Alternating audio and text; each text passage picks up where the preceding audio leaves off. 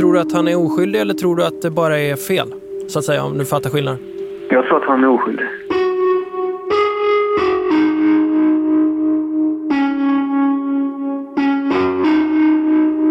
Du känner det som polis också? Ja, ja, absolut. Det, det är inte okej. Fallet vi undersöker den här säsongen är omdebatterat. De har bedömt honom som, det här kan vi lita på liksom. Om du hade varit utpekad i det här förhöret, hur hade det känts att bli dömd på det här då? Hade du varit nöjd med den domen? Absolut inte. Absolut inte. Tvärsäkra yttranden finns på båda sidor. Han var helt övertygad om, om det här. Han hade sett sin mamma beskjuten och eh, att han visste vem det var som hade gjort det. Vi är liksom tillbaka i eh, medeltidens häxprocesser där det också räckte att bränna kvinnor på bål som häxor på grund av att barn hade pekat ut dem som just det. En man, tidigare helt ostraffad, döms till livstidsfängelse för att ha utfört en våldshandling utöver det vanliga. Mellan åtta och halv nio igår kväll sköts en 32-årig kvinna till döds i sin bostad i Brandkärr i Nyköping. Det finns ingen teknisk bevisning. Bara ett enda vittne som pekar ut mannen. Och det är å andra sidan ett mycket speciellt vittne. Kvinnan sköts i sitt hem och hennes minderåriga barn kan ha blivit vittne till skottlossningen. Sju år är hennes son.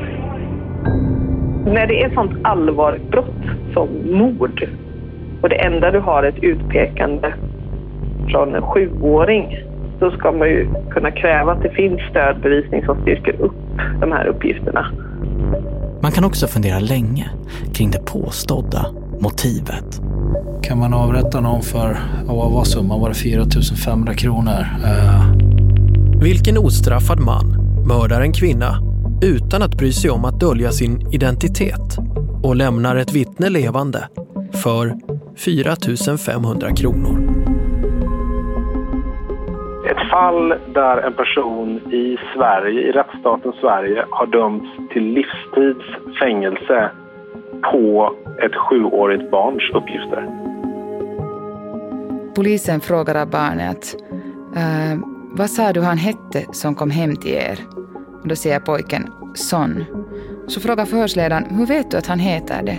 Och så säger pojken min pappa och min mamma känner han. Har du skjutit den här kvinnan? Nej, jag har inte gjort.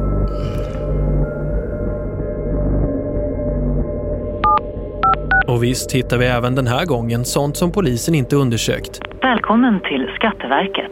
Den här gången tog det oss 11 minuter och ett telefonsamtal. Spår. Säsong 7. Då ska vi se, jag ska bara börja med in och se om han har varit gift mer än en gång. Här ska vi se. Brandkärrsmordet. Premiär 2 april.